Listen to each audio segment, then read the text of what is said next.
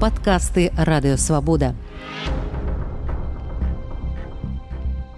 Лукашенко разглядаў магчымасць уцячы праз варшавы на пачатку поўнамасштабнага ўварвання рассеі ва ўкраіну.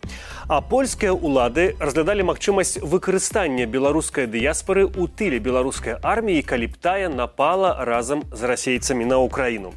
Пра гэта піша ў сваёй кнізе Польшча на вайне, польскі журналіст збігню прафянович супрацоўнік газеты дзеннік газета правна гэта польскае штодзённае выданне.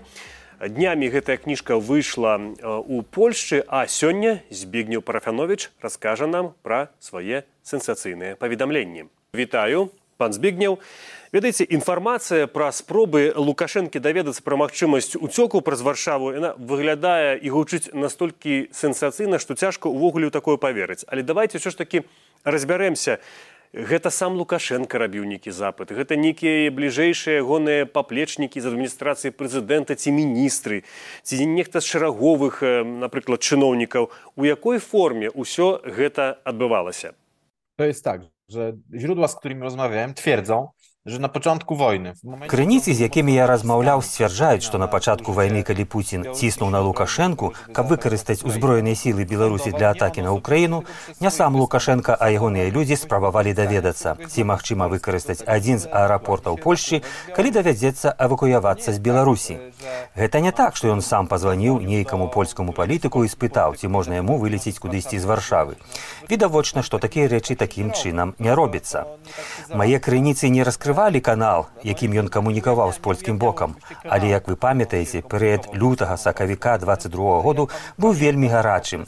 Это тычыцца адносінаў і з украінцамі і з польскім бокам украінцы заставаліся з ім у кантакце каб стрымліваць яго ад удзелу беларускіх брыгадаў у нападзе на ўкраіну а польскі бок камунікаваў з ім каб у беларусі маглі прызямліцца польскія гелікоптеры блэкхок на якіх у беларусь прыляталі на перамовы украінцы. Як я разумею дзесьці пры нагодзе была спроба даведацца пра польскія аэрадромы калі пуін вырашыў памяняць лукашэнку на кагосьці больш пакорлівага што да просьбаў і пагрозаў крамля. Як і кожны іншы дыктатар лукашенко паязлівец тое што ён бегаў з ака 47 у двадцатым годзе не азначае што гэта адважны чалавек калі не нехта назявае форму, то гэта яшчэ не значыць, што ён робіцца ваяром. Ён такі адважны, што кідае турму пачобута іншых журналістаў або беларускіх актывістаў. Яго адвага бачная ў тым, як ён пераследуе смелых беларускіх журналістак, якіх судзяць у клетках. Па праўдзе ён выдатна разумее, што ягоны лёс прынамсі на першым этапе вайны залежаў ад Пуціна. Зразумела, што дынаміка яго адносінаў з Пуціным непастаянная, яна мяняецца. Пасля путчу прыгожана яго рэйтынг у адносінах з пуціным вырас бо ён ізноў стаў патрэбным пуціну. Але на пачатку вайны пакуль пуін не зразумеў што ён не ў стане выйграць сухаземную вайну і захапіць кіяў харкаў ці іншы вялікі горад то все было кепска. Адсюль і разлікі лукашэнкі. Згадайце як загінуў прыгожын. Адстрэлу сістэмы бук. Лукашенко цудоўна разумеў што беларусь пад поўным кантролем расійскай проціпаветранай абароны з тэрыторыі беларусі запускалі расійскія балістычныя і манеўровыя новыя снарады. Над Беларусю ляталі два мігі з кінжаламі. Ён выдатна разумеў, што без згоды Пуціна паветраная прастора Беларусі для яго зачыненая. Ён, вядома ж, мог лятаць трасу Менск-Масква або ў Петербург, але пра палёты ў нечаканым для расейцаў кірунку не магло быць і гаворкі. Таму, як і кожнаму дыктатару з баязлівай натурай яму быў патрэбны варыянт уцёкаў. А каб уцячы ў Афрыку, Кітай або Венесуэлу, яму спачатку трэба трапіць па зямлі з беларусі ў літву ці польшчу. Вы пэўна ж памятаеце чуткі пра ягоную смерць пра ягоны стан здароўя што ён памёр. Чуткі пра вельмі кепскі фізычны стан пацвярджалі яго вельмі слабую пазіцыю.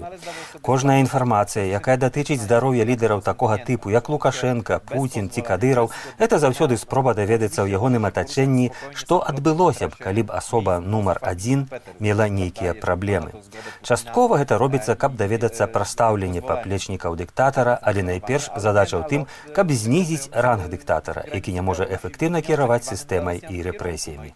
Таму версія маіх суразмоўцаў гучыць вельмі надзейна, хоць без дэталяў, хто і як у гэтым удзельнічаў. Але гэтая версія цалкам рэальна. Але та версія о тым, że on mógł sądować po prostu taką opcję jest, jest jak najbardziej realna. Збегнеў а як на гэтыя просьбы адрэагаваў польскі бок? Ці ёсць у вас некая інфармацыя на гэты конт po prostu moje źródła prosiły o to, aby, aby te pewne elementy nie, nie, nie, nie, nie ujrzały światła dziennego. Ja muszę to Мае крыніцы прасілі мяне, каб пэўныя дэталі не сталі вядомыя грамадскасці. І я мусіў гэта ўлічыць. Пытанне далікатнае, таму ў кнізе гэта пададзена складана, крыніцы ананімныя. Некаторыя рэчы былі настолькі канфідэнцыйнымі, што яны не маглі быць апублікаваныя. Яны датычаць і міграцыйнага крызісу і справы пачобута, усяго таго, што вымагае ад нас адказнасці падчас камунікацыі з чытачом. Przy komunikowaniu się z, z czytelnikiem.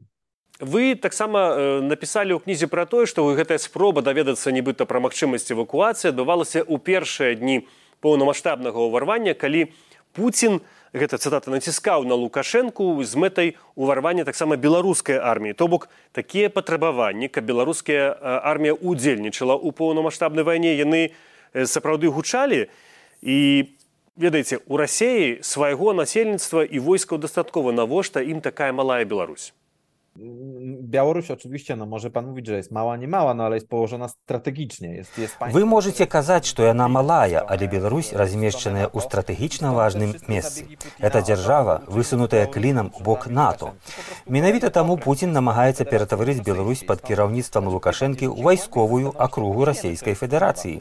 Калі глыбей задумацца, то мы не ведаем, што запісана ў вайсковых дамоўленасцях паміж Лукашэнкам і Пуціным наконт таго, як армія кіруецца і ці ёю надалей кіруюць беларусы. Мы не ведаем, навошта беларускія самалёты Су-25 абсталяваныя для нясення ядзернай зброі. Гэта аналізуюць найлепшыя паліталагічныя розумы свету. Можам толькі здагадвацца, што Пуін спрабуе дамагчыся фактычна вайсковай анексіі Беларусі, каб выкарыстоўваць яе вайсковую інфраструктуру ў ваенных мэтах. Менавіта дзеля гэтага ў Беларусі застаюцца элементы постгрупы Вагнера.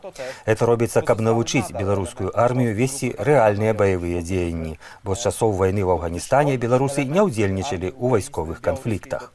А гэта былі часы ССР. Думаю, што расійскі бок разумее, у якім стане знаходзіцца беларуская армія пад кіраўніцтвам Лукашэнкі. І наступнае пытанне, а якія настроі пануюць у беларускай арміі і ці хацела б яна браць удзел у вайне супраць Украіны. У Беларусі ўкраіну не ўспрымаюць як варожую дзяржаву. Тое, што Лукашенко ідзе на брудную супрацу з Пуціным, яшчэ не значыць, што сярэднестатыстычны беларускі салдат успрымае Украіну як дзяржаву, якая нясе пагрозу. Гэта абсурд і складаная псіхалагічная праблема для Пуціна, які ўспрымае Беларусь як патэнцыйны кавалак для анексіі. Тут ёсць шмат пытальнікаў. Што сталася б, калі б Лукашенко прыняў рашэнне выкарыстаць беларускае войска супраць Украіны. Ці не атрымалася б так, што войска яго не паслухала. І тады сітуацыя для яго была б значна горшай, чым захаванне пэўнага балянсу паміж украінцамі і Пуціным. Адзін з тэзісаў кажа, што ён не выкарыстаў армію менавіта з гэтай прычыны. Ён баяўся раздаць зброю і амуніцыю, каб гэта не абярнулася супраць яго. Мы ведаем логіку, паводле якой Лукашенко будуе апарат бяспекі. Ён робіць стаўку на такія адзінкі, як алмаз, на спецназ мус. Калі мы паглядзім, каго вучылі вагнераўцы і цяпер вучаць поствагнераўцы, то гэта вельмі часта аналігі ўкраінскага беркуту, адзінкі, якія служаць для задушэння пратэстаў, а не ўзброеныя сілы. Бо нават Лукашенко не ўпэўнены ў настроях у беларускай арміі, у тым, як павялі б сябе салдаты, калі б ён мусіў прыняць нейкае радыкальнае рашэнне наконт Украіны. Хоць ён можа шмат казаць, выступаць як вялікі палкаводзец гэтай арміі. Незалежна ад таго, наколькі непараўнальная была сітуацыя Януковіча і Лукашэнкі, Януковіч прайграў на тым, як ён кантраляваў сілавыя структуры ў 14 годзе. Тады адбылася вядомая нарада, калі ён спытаў генералаў, ці падтрымаюць яны расправу майдану. Усе сказалі, што так, але ў выніку ніхто не падтрымаў. Паветрадэсантная адзінка, якая ехала з тагачаснага Днепрапетроўску ў Кіев, не даехала ў выніку аварыі цягніка цягніка. Не выключана, што тое самае адбылося б і ў Беларусі, што не з'явіліся б нейкія неакрэсленыя абставіны, якія не спрыяюць выкарыстанню арміі на загад дыктатара. Аколічнасці, które не спрыяją użyciu sił zbrojnych na rozkaz dyktatora. Дарэчы, днямі лідар кіроўнай партыі ва ўкраіне слуга народу Давіта Рахамія э, раскрыў падрабязнасці тэлефоннага званка лукашэнкі да зяленскага прынамсі гэтай размовы здаецца ў першы вечар вайны і нібыта лукашенко сказаў там што ён нічога не можа зрабіць для таго каб расейцы маглі не ўваходзіць на тэрыторыю краіны з боку беларусі або напрыклад страляць па ўкраіне з боку беларусі як вы самі думаеце вось маючы гэтую інфармацыю са свайго боку ці сапраўды такое штосьці магло адбыцца Tak, że to jest, to jest wariant właśnie ten, o którym rozmawialiśmy. Czyli ta... Гэта менавіта тое, пра што мы размаўлялі. У Лукашэнкі не было упэўненасці, як сябе павядзе армія пасля загаду напасці на ўкраіну. Адсюль, як я разумею, ціск рассеі наконт змены сістэмы камандавання беларускай арміі. Усе гэтыя перамовы паміж шайгу і беларускім бокам зводзяцца да таго, каб беларуская армія функцыянавала як саюзніцкі кампанент і каб ёю фактычна кіравалі расейцы. У размове, якую вы згадалі, ішлося пра тое, што Лукашенко мог не ведаць пра напад з беларускага боку. Памятаю сваю размову некалькі гадоў таму задоўга да вайны з адным з былых супрацоўнікаў сілавых структураў Беларусі, які сказаў наўпрост, што Пуін можа і не пытацца ў Лукашэнкі пра такі дазвол і што яму не патрэбная згода, на напад з беларускай тэрыторыі. Скажу шчыра, што 24-25 лютага я ўзгадаў гэтыя словы як прарочыя. Лукашенко сапраўды апынуўся ў вельмі нецікавай сітуацыі з лютага два -го году і дакуль гэтая вайна не пачала быць для Пуціна прайграным наступам, бо ў сухаземным вымярэнні, нягледзячы ні на што, Пуін ва ўкраіне згамбіўся. Паложэнне Лукашэнкі было bardzo nieciekawe. У кнізе вы таксама ўзгадваеце прыезд украінскай дэлегацыі дакладней прылёт украінскай дэлегацыі ў Беларусь на мірныя перамовы які адбываліся ў гомелі на пачатку самым вайны і яны прыляталі на польскіх гелікоптарах там прызямляліся дзесьці ў белаверскай пушчы і пазней іх ужо украінцаў везлі ў гомель. І суправаджаў нібыта украінскую дэлегацыю супрацоўнік тагачаснай канцылярыі польскага прэм'ера міністр міхал дворчык Польшча тады ўжо была ворагам нумар адзін для беларускай прапаганды для беларускіх чыноўнікаў. А якая была тады атмасфера гэтых візітаў? Moi, moi rozmówcy wspominają o tym, że te zgody pisemne na temat Мае суразмоўцы ўспамінаюць, што пісьмовая згода на прызямленне польскіх гелікоптераў у Беларусі выдавалася ў апошнюю хвіліну. Это было даволі праблематычна, бо калі машыны выляталі з Польшчы, нічога не было зразумела. Нібыта паміж палітыкамі была згода, што можна ляцець, але нельга было выключыць інцыдэнтаў з гелікоптерам. Той факт, што пісьмовая згода выдавалася, сведчыць, што неафіцыйныя каналы сувязі паміж Польшай і Беларусю існавалі і існуюць. Гэта механізмы, захаваныя для вырашэння найважнейшых пытанняў. Але нельга не сказаць, што з польшага боку да лукашэнкі нулявы ўзровень даверу. Ад моманту міграцыйнага крызісу ён успрымаецца як асоба цалкам скампраметаваная, якая, на жаль, разам з пуціным ударала па Польшчы пры дапамозе мігрантаў. Але ўсе тры краіны Польшча, Украіна і Беларусь былі ў той момант зацікаўленыя даць шанец дээскаляцыі таго, што пачалося 24 лютага. Таму ў інтарэсе ўсіх бакоў было беспраблемнае перамяшчэнне украінскай дэлегацыі. У тым ліку міністра Рэзнікава ў Беларусь і прызямленне ў Беларусі з польскім экіпажам і міністрам на борце.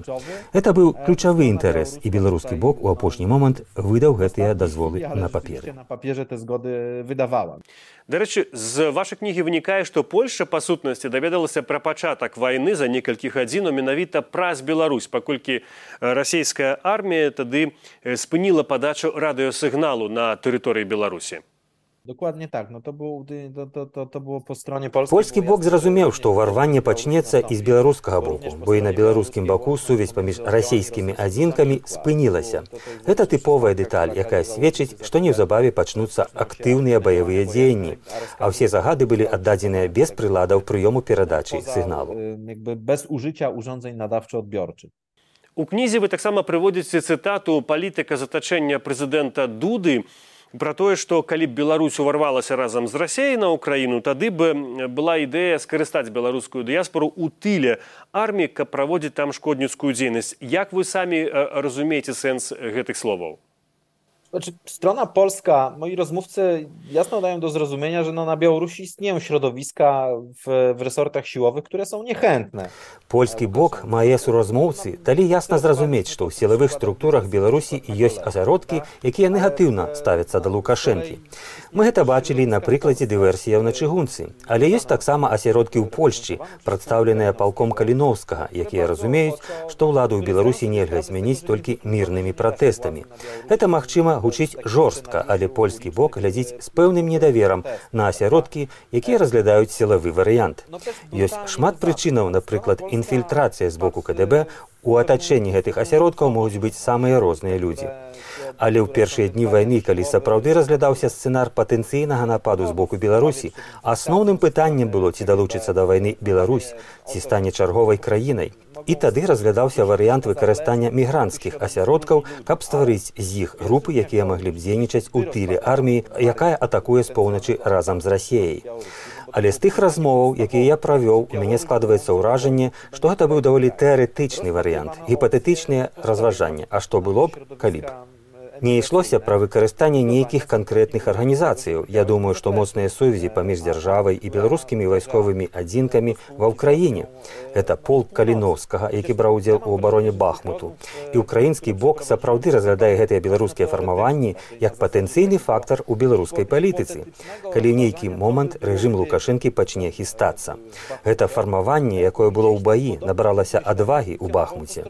Нейкі падобны стыль мыслення быў і ў Польшчы, але на мою думку на высокім узроўні абстракцыі.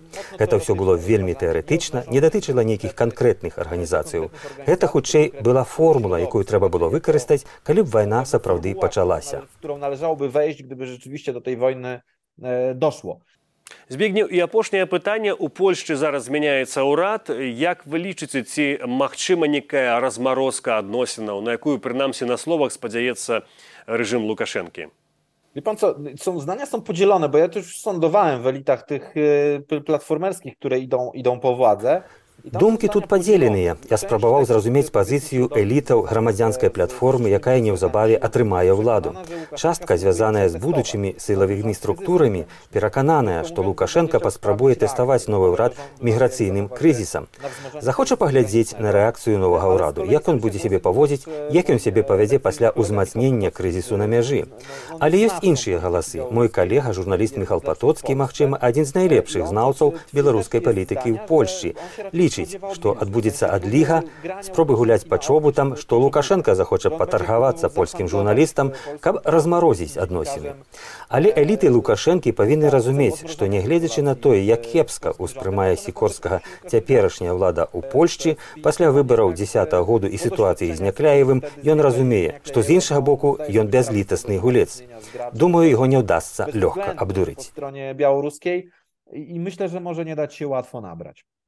Дзякуй вялікі збігнеў, а я нагадаю нашым гледачам, што сёння маім госцем быў польскі журналіст, аўтар кнігі Польшча на вайне збігнеў парафяновіча. Вы глядзелі канал Свабода прэміум, дзякуй за тое, што былі разам з намі, бывайце і заставайцеся за свабодай. Вы слухали падкаст радыёвабода. Усе падкасты свабоды ў інтэрнэце на адрасе свабода кропка орг. Штодня у любы час, у любым месцы, калі зручна вам. свабода кропка орг. Ваша свобода.